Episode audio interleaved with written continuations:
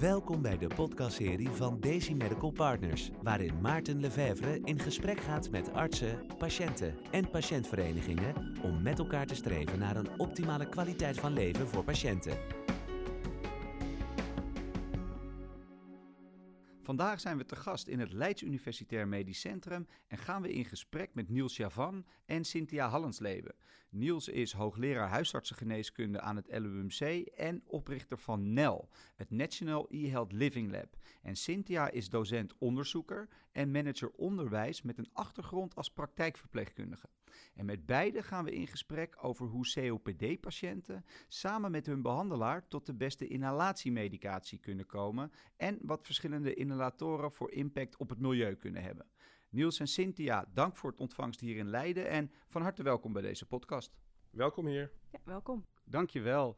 Het is voor zowel longpatiënten als huisartsen en praktijkondersteuners niet altijd even duidelijk welke keuzemogelijkheden er zijn op het gebied van inhalatiemedicatie en inhalatortypes. Cynthia, uh, wat zouden huisartsen en praktijkondersteuners volgens jou kunnen doen om tot een op de patiënt afgestemde behandeling te komen als het gaat om inhalatiemedicatie?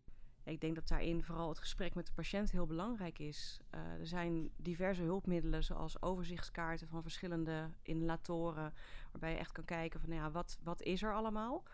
Uh, en vervolgens ga je samen met die patiënt kijken van, wat past dan bij deze patiënt? En komt die uh, informatie ook altijd goed aan, Niels? Nou, ik denk eigenlijk, hè, ik ben zelf huisarts, dat vooral de POH hier heel cruciaal in is. Want uh, de gemiddelde huisarts, uh, net zoals ik zelf, voelt zich heel druk en gehaast. Dus die zal veel te weinig tijd nemen om dit echt serieus door te praten. Wat je als huisarts wel direct inschat is, goh, zit hier nu een, laten we zeggen, kwetsbaar ouder persoon tegenover me, die misschien een veel te lage stroomsnelheid heeft. Of is het een heel klein kindje, wat nog geen coördinatie heeft. Uh, dat is een soort van eerste schifting, want dan denk je natuurlijk aan een ander soort inhalator. Ja, en ook wellicht aan andere soort uh, informatie, hè? dus online of uh, bijvoorbeeld een folder. Zit daar nog verschil tussen? Ja, ik ben zelf betrokken geweest bij de mooie site van de Longalliantie, inhalatorgebruik.nl. Ja. Die hebben we ook aan thuisarts weten te koppelen. Dat was een heel mooi moment, want toen kregen we enorm veel tractie. Um, en dat is, ja, denk ik, een heel mooie resource voor nou, ouders van kleine kinderen of juist veel senioren die heel veel gebruik maken van thuisarts. Hè, dan kunnen ze daar eigenlijk heel netjes zien uh, wat uh, voor hen geschikt is en uh, wat de meest voorkomende instinkers zijn. Ja, ja, en het NRG heeft een inhalatorenoverzicht gemaakt van astma en COPD-medicatie. kun jij daar iets meer over vertellen? Nou ja, dat is natuurlijk een heel mooi compleet en vooral ook neutraal overzicht. Waarin je alle, uh, helaas echt tientallen verschillende uh, inhalatiemedicijnen kunt terugvinden. Dus dat is denk ik heel, uh, heel geschikt. het is wel ook wat uitputtend, denk ik, voor veel mensen. Dus het aardige van inhalatorgebruik en thuisarts, dat is natuurlijk ook onderdeel van NAG. Is dat je daar ook veel meer specifiek voor jou relevante informatie kan halen. En ja. mensen willen vaak helemaal niet alle overzichten van alle soorten medicijnen. Dat is helemaal niet relevant voor ze. Uh, maar ze willen hun ding. En dan graag uh, om dat ene foutje niet meer te maken. Ja, het moet echt op maat uh, gemaakt zijn Juist. voor de patiënt die tegenover je zit. Ja. En Cynthia, wat, uh, wat zijn de belangrijkste inhalator-eigenschappen? Um, waaruit gekozen kan worden als men op zoek is naar een inhalator die aansluit op de wensen van de patiënt? Um, ja, je gaat natuurlijk gewoon echt kijken naar de situatie van de patiënt. Hè. Wil iemand, um, wat, wat Niels ook al zei, wat is de stroom, uh, wat is de kracht die iemand heeft, uh, hoe is de coördinatie, uh, hoe zijn de handen, wat kunnen ze wel, wat kunnen ze niet. Um, dus ja, wil je, droog, wil je droogpoeder, wil je multidoses, wil je ge gecombineerde medicijnen of wil je dat juist heel bewust niet, omdat je bijvoorbeeld targeted um, medicatie toe wil kunnen voegen op het moment dat iemand een activiteit gaat doen, bijvoorbeeld. Dus ja. naast de basale onderhoudsmedicatie, dat je echt iets kan geven. Dat wil je dan eigenlijk ook in hetzelfde device hebben, omdat mensen daar dan ervaring mee hebben. Dus dat zijn dingen die je met, uh, met ze bespreekt. En nog aanhakend op wat jij net zei. Um, ik denk dat inhalatorgebruik is een hele goede bron, hè, net als thuisarts, om dat zeg maar aan patiënten nog als uh, medium terug te geven in de spreekkamer vond ik het zelf altijd heel prettig om echt een overzichtkaart te hebben. Want dan nam ik die echt, leg, die neer bij de patiënt. En dan zat ik samen met hen te kijken van welke heb je nou? Want als ik aan een patiënt vraag welke puffer gebruik je, dan is het ja die witte of ja die blauwe. Ja. En als je dus een plaatjeskaart hebt, en ook al staan er 25 op, dat maakt niet uit, dan kunnen ze hem eruit pikken. En dan kan je ook samen met mensen uitleggen van oké, nou weet je, in deze groep hebben we ook deze opties. Dus voor jou is het misschien nu verstandig om uh, te gaan switchen van, van medicatie. Hè? Of we moeten eigenlijk niet zozeer switchen, maar uh, we willen je er wat bij gaan geven. Nou, dan kunnen we dat uit diezelfde groep doen. Of zeg je juist van ja, maar ik vind hem eigenlijk helemaal niet zo prettig. Ik wil juist wat anders proberen. Ja. Dus daar is zo'n kaart heel handig voor. En gewoon een enorme berg aan voorbeeldmateriaal. Dan Laat wordt het beeldend. Ja, laat Ja. ze maar voelen. En dat Laat is hoe de praktijkondersteuner het doet, hè? hoe jij het nu uitlegt. Nee, maar dit, dit is denk ik een heel belangrijke toevoeging. Hè? Dat je eigenlijk meerdere momenten hebt om mensen die informatie te geven. Dat is in de spreekkamer, precies zoals Cynthia beschrijft. Maar we weten ook dat mensen eigenlijk heel weinig onthouden van wat er gebeurt tijdens zo'n gesprek. Hè, dan hebben ze het wel netjes aangewezen en gehoord, er zijn meerdere opties. En daarna is het al snel weer eh, vergeten. Zo werkt het gewoon. We zijn allemaal mensen. Ja, En als je dan inderdaad kunt nalezen van... oh ja, maar het stond op thuisarts en het overzichtje zus en zo met een filmpje erbij... eh, dan kun je het, eh, ja, een soort van huiswerk eigenlijk. Hè? ja. En dat is hoe het vaak succesvol werkt. Dat je begint met zo'n intro. En vervolgens dan ook nog zelf thuis kunt nakijken. Misschien met iemand erbij die eh, over je schouder meekijkt. ja, dus eigenlijk thuisarts voor zowel patiënt als huisarts. Ja. Relevant. Ja. Ja. Absoluut. En ik, ik gaf ook heel vaak gewoon het linkje van de specifieke eh inhalator die we dus gekozen hadden. Van oké, kijk het thuis nog een keertje na. Dan kan je het nog op je gemak. eh, en laat het inderdaad ook door je familie eh, zien. Dat ze weten hoe je het moet gebruiken. Ja, goede tip. Eh, Niels, we hebben het net al ehm, even gehad over de inhalator-eigenschappen die belangrijk zijn eh, bij het kiezen van een inhalator. Mhm. Ehm, ik heb een enquête van het Longfonds met jullie gedeeld, eh, waarin patiënten werd gevraagd wat zij belangrijk vinden bij het kiezen van een inhalator. Wat viel jou hierin het meeste op? Nou, wat mij vooral opviel was dat ze allemaal een teller wilden hebben. En dat herken ik ook heel erg. Want wat we vaak onderschatten, hè, tenminste als huisarts, dan schrijf je iets voor en dan zoef is de patiënt weer weg en dan komt het wel goed, de apotheek. Ehm, maar heel vaak vergeten mensen natuurlijk hun medicijnen te nemen. Of ze gaan het pas nemen wanneer ze weer meer klachten krijgen, zoals in dit seizoen. Ehm, dus dat je dan niet meer weet eh, hoeveel er in je, in je inhalator zit, dat is echt heel veel voorkomend. Of dat mensen denken van, eh, goh, hij zal wel leeg zijn, hè, eh, want hij voelt zo leeg. En dan stoppen ze eigenlijk terwijl er nog de helft in zit. Ja, dat is Dus ook zonde. Dat, dat is ook niet zo duurzaam. Ehm, hè, dus ik denk dat die teller, ja, eigenlijk wil je niet meer voorschrijven zonder teller. Nee, nee helder. Eh, Wat, eh, wat is jou opgevallen, Cynthia, uit, eh, uit dat onderzoekje van, van patiënten? Ehm, nou ja, dat, datzelfde. Inderdaad ook wel die teller. En dat herken ik. ik ben zelf ook patiënt. herken ik zelf ook heel goed. Dan zijn er gelukkig ook wel weer digitale oplossingen die je zeg maar aan je teller vast aan je ehm, als je een dosis aerosol hebt die je eraan vast kan maken zodat hij het bijhoudt. Want dat heb ik zelf bijvoorbeeld. Ehm, maar wat, bijvoorbeeld, wat mij ook wel opviel, ehm, was we hebben het heel vaak binnen de NAG-discussies ook wel gehad over ehm, alles moet in één. Terwijl als je dus naar de enquête kijkt, vinden patiënten dat eigenlijk niet eens het allerbelangrijkste. Maar vooral gebruiksgemak, ehm, klein, handig meenemen. ehm, dus ook ehm, ja, vooral daarnaar kijken. Gebruiksgemak is denk ik het allerbelangrijkste, omdat je daarmee je, je, therapietrouw gewoon enorm bevordert. Ja, precies. Eh, bijvoorbeeld eh, jonge mensen die eh, astma hebben, ja, die, die moet je niet eh, een voorzitkamer gaan geven, want die gaan ze niet gebruiken. Nee. Want dat ziet er raar uit, zo'n plastic ballon voor je gezicht. En bovendien, wanneer gebruiken ze het vooral? Als ze gaan eh, sporten. Dus ja, dan moet je niet eh, een al te grote bulk eh, in je tas hebben. Nee, dat moet gewoon iets handzaams zijn. Ja. Wat je gewoon eh, heel makkelijk even snel kunt eh, doen. Ehm, dus dat soort overwegingen, dat, dat kom je echt veel tegen, denk ik. Ja, nou, dat kan ik me heel goed voorstellen. Op, op een festival hè, of Ja. een concert is dat natuurlijk ook niet eh, ideaal. Eh, de NAG werd eh, zojuist al even genoemd. Hè. Eh, in de NAG-standaard eh, COPD en de keuzehulp van inhalatoren eh, is er ook aandacht eh, voor het milieuaspect. Cynthia, op welke manier vind jij dat artsen het milieuaspect zouden moeten laten meewegen bij het initiëren van een behandeling? Ehm, ik denk dat met name eh, je behandeldoel het allerbelangrijkste is. Ehm, en als je dan kijkt het milieuaspect, dan denk ik ja, hoe minder plastic, hoe beter. Ja. Nou zitten alle inhalatoren zitten in plastic. Eh, alleen eh, de mate waarin en hoeveel inhalatoren je voorschrijft, daar kan natuurlijk wel verschil in zitten. Dus dat kan een keuze zijn om voor een combi te kiezen. Ehm, dat scheelt. Hè, als je één device hebt, dan scheelt dat toch weer, eh, scheelt weer plastic. En scheelt weer vervoer. En nou ja, alles wat natuurlijk daarmee te maken heeft. Ehm, maar het is niet denk ik, als je, als je streeft naar optimale behandeling van astma en COPD, dan is dat niet, zou, is dat niet mijn kern. Ehm, eh, wat bovenaan staat, zeg maar. Ik, heb, ik wil die optimale behandeling voor die patiënt hebben. Uh, en als we er dan op uitkomen dat twee, gezien die situatie, beter is, dan zou ik daarvoor gaan. Dan ga ik niet zeggen van ja, ik doe het niet, of uh, omdat het nou ja, milieutechnisch beter is. Uh, helemaal, helemaal mee eens. Hè. De, de, de, discussie over één device of meerdere, afhankelijk van wat uh, noodzakelijk is voor de patiënt, is denk ik uh, duidelijk.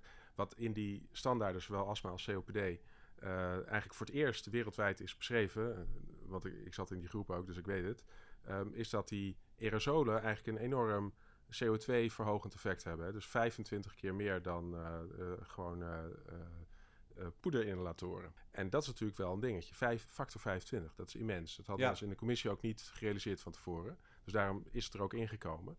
Dus dat is wel degelijk iets wat je ook mee moet rekenen, omdat het gewoon een broeikaseffect geeft. Ja. Uh, en ja, we staan in Nederland ongeveer 50-50 op uh, aerosol poeder.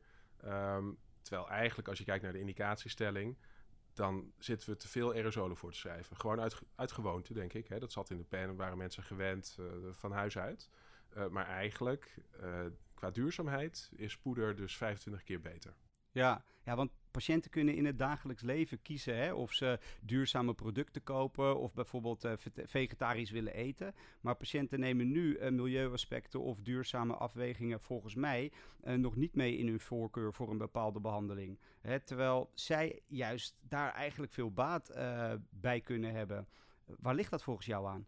Nou ja, wat ik al zei, dit is eigenlijk de eerste keer dat er in een richtlijn iets staat over duurzaamheid. Uh, dus dat was al een, uh, een, een first off. Ja. Um, en ik ben het helemaal met je eens hè, dat we die keuze gewoon moeten uh, bespreken met patiënten. en dus ook expliciet moeten maken dat het grote nadeel aan aerosolen is dat het dus een vervelend gas bevat, wat slecht is voor, voor, voor het klimaat. en dat mensen daar dus ook hun keuze mede van kunnen laten afhangen. Kijk, als je een heel lage stroomsnelheid hebt, of je hebt een kindje van uh, een jaar, dan, uh, nou ja, dan neem je een aerosol. Want uh, het moet wel in je longen aankomen, zeg maar. Maar in alle andere gevallen kun je dus zeggen, ja, poeder lijkt me verstandig eigenlijk. Ja, dus eigenlijk uh, goed kijken naar um, als eerste wat werkt het best voor de patiënt. Ja. En dan uh, ook kijken naar het uh, milieuaspect. Ja. Ja, en um, moet je ook in de keten nog naar het milieuaspect kijken? Cynthia, hoe zie jij dat? Ik denk het wel, als je, in de uh, als je in je keten daar afspraken over kunt maken, dan kan je ook met, uh, hè, met, met de longarts uh, en met de voorschrijvers daar, dat je gewoon wel um, kijkt van ja, wat, wat is ons standpunt hierin? En wat Niels ook al zegt, van heel vaak is het ook oude gewoonte. van oh ja, dit doen we eigenlijk altijd. Of als, als ik vanaf de eerste lijn naar de tweede lijn word doorverwezen, nou dan gaan we eerst maar eens op een dosis Ja, dat hoeft. Het, het, het is heel vaak gewoon in de pen. En ik moest ook wel lachen. Ik besprak dit met, uh, met een van de collega longartsen. En die begon meteen te vloeken en te tieren. Dat dit ook alweer moest. Uh, ja. Uit een soort van, uh, daar gaan we echt niet aan beginnen. En dat komt natuurlijk omdat het gewoon eerder helemaal geen issue was. Hè, dus in alle richtlijnen ging het echt puur over medische werkzaamheid. Is het wetenschappelijk onderbouwd? En gelukkig ook steeds vaker over wat wil de patiënt nou eigenlijk. Uh, maar duurzaamheid, dat is echt een nieuw element. Ja, maar goed, daar zijn we ook met elkaar denk ik uh, een beetje verantwoordelijk voor uh, tegenwoordig. zou je nog een, een aantal andere aspecten kunnen noemen ja, die de carbon footprint op het milieu vergroten? Nou ja, je hebt, hè, wat Cynthia eerder al aanhaalde, ook allerlei plastics. Hè? Dus een, een nadeel is bijvoorbeeld de voorzetkamer bij aerosol. Dat geeft natuurlijk ook plastic. En als je het netjes voorschrijft zoals NAG, dan zou je ieder jaar weer een nieuwe voorzetkamer moeten voorschrijven. Dat is toch ook weer een dingetje. Ja. Uh, ik weet bijvoorbeeld in de UK dat er veel minder vaak voorzetkamers worden voorgeschreven. Dat is waarschijnlijk eigenlijk niet uh, goede practice, maar dat scheelt dan wel in je plastic, hè, als je het van die kant bekijkt. En het heeft natuurlijk ook te maken met hoe je device is opgebouwd. Sommige zijn veel kleiner, hebben minder lage plastic, ander soorten plastic. Maar als je alles bij elkaar optelt, dan is eigenlijk dat drijfgas is verreweg de belangrijkste uh, carbon print veroorzaker. En de materialen en hoe het wordt gemaakt, dat is zeg maar een klein deel daarvan. Ja, ja, je noemde net al de UK, hè? want uh, ja, in tegenstelling uh, tot in andere landen, zoals bijvoorbeeld ook Zweden, hè, uh, worden in Nederland dus veel dosis aerosolen met voorzetkamer voorgeschreven, wat je net al zei. en in 2022 is het aantal dosis aerosolen nog met 2,3% toegenomen. Wat, wat is jouw persoonlijke mening daarover? Nou ja, We hebben in Nederland natuurlijk tot voor kort eigenlijk heel veel beïnvloeding gehad van voorschrijfgedrag. Hè. Vroeger had je hele, hele uh, contingente artsenbezoekers die de deur plat liepen bij de huisarts. Uh, dat heeft heel veel effect gehad. En afhankelijk van of er weer een nieuw medicijn was, werd er meer of minder op, de, op de artsen afgestuurd. Um, ja, Zweden is denk ik ook een, een land waar een bekende poederinhalator vandaan komt, wat dan ook weer een traditie veroorzaakt. en je ziet überhaupt in allerlei voorschrijfgedrag verschillen tussen landen. Bijvoorbeeld uh, in Italië heb je een bepaalde fabrikant die maakt een bepaald medicijn voor, voor COPD-patiënten, wat elders helemaal niet wordt voorgeschreven, maar in Italië wel, want daar komt het vandaan. Dus er zijn gek genoeg toch culturele verschillen ook binnen geneeskunde. Een, een stukje gewenning misschien ook uh, van, de, van de arts, ja? Ja, dokters zijn natuurlijk heel traditioneel opgeleid. Hè. Het is meestergezel. Dus als jouw baas altijd middeltje X voorschreef, dan is dat ook jouw default. Ja, ja begrijpelijk. Um, Cynthia, hoe zie jij dit? Ik denk dat uh, culturele context sowieso heel belangrijk is. Hè. Als je kijkt, uh, ik heb zelf gewerkt in een uh, hele multiculturele praktijk. De manier waarop patiënten ook over hun medicatie denken en hun gebruiksgedrag, hun therapietrouw, de wens voor specifieke medicatie is cultureel bepaald. We geven op dit moment hier ook heel veel onderwijs, bijvoorbeeld aan artsen in Kyrgyzstan, aan artsen in China. Uh, en daar hoor je dat dus ook terug. Uh, van ja, maar wij schrijven altijd dit voor. Want onze patiënten willen bijvoorbeeld geen, niet iets wat van gas is, omdat dat met geesten te maken heeft. Ja, het, het, het, het, het klinkt soms een beetje gek, maar het, het komt wel echt naar voren. En, en sommigen zeggen, ja, ik wil een pil, ik wil geen poeder, ik wil uh, goh, moet ik dat dan oplossen? Dus cultuur, culturele context is gewoon sowieso heel belangrijk om hierin mee te nemen. Ja, elke cultuur zijn eigen eigenschappen natuurlijk. Ja. Zeker, en allerlei ideeën die bestaan. Hè? Dus mensen nemen vaak liever een pilletje dan inhalatiemedicijnen bijvoorbeeld. Want dat is toch ingewikkelder of het heeft inderdaad connotaties met... Uh, goh, nu krijg ik uh, een andere geest naar binnen of zo. Ja, ja, ja maar goed, effectiviteit uh, is dan het belangrijkste als ik jullie zo hoor. Ja. Uh, en ehm, ja, daarbij een duurzame keuze is dan Zeker. heel prettig. Ja, ja. exact. we zijn aangekomen bij het laatste onderdeel van de podcast en we willen graag de, de, de luisteraars een praktische tip meegeven. Hè, tips en tricks. Niels, wat zou jij aan je collega's willen meegeven als het gaat om effectiviteit en het milieu? Nou, ik zou misschien in lijn met wat we eerder bespraken uh, het positief willen labelen naar mijn collega's. En dus niet zeggen, nou, nu moeten we ook nog aan de duurzaamheid denken. Maar dan zou ik zeggen, goh, wist u dat wij in Nederland als eerste eigenlijk ook kijken naar de milieuaspecten van uh, inhalatiemedicijnen. En dat er een groot verschil is tussen het poedertje of het uh, puffertje wat ik u kan voorschrijven. En dat scheelt een factor 25. Uh, dat kunnen we meenemen in onze keuze. Dus ik zou het positief brengen. Dan is het helemaal geen probleem. Ja, nou, een hele goede tip, denk ik. Ook voor de patiënt, hè, die dat uh, uh, dan ook met zijn of haar arts kan bespreken. En zou jij ja, ook een tip willen geven aan de praktijkondersteuners in Nederland? Omdat jij natuurlijk zelf daar ervaring in hebt. Ja, ik denk dat het gewoon heel goed is om uh, te zorgen dat je in ieder geval een enorme hoeveelheid aan voorlichtingsmateriaal hebt. Uh, en dat mensen ook echt gewoon met jou kunnen kijken van wat is handig, wat werkt voor mij, wat kan ik bedienen, wat kan ik niet bedienen. Um, en ja, ga naar, uh, naar de scholingen. Hè, de KAG, COPD, astma, huisartsadviesgroep. Die um, ontwikkelt en geeft heel veel scholing en training op dit gebied. En ja, dat is echt een, een gouden bron van, van informatie die je gewoon daadwerkelijk in je praktijk in kan gaan zetten. Gepersonaliseerde voorlichting, als ik het zo hoor. Ja. ja. Nou, Niels en Cynthia, hartelijk dank uh, uh, voor jullie deelname en wellicht tot een volgende keer. Ja, graag, graag gedaan. Dankjewel. Deze podcast is financieel mogelijk gemaakt door GSK.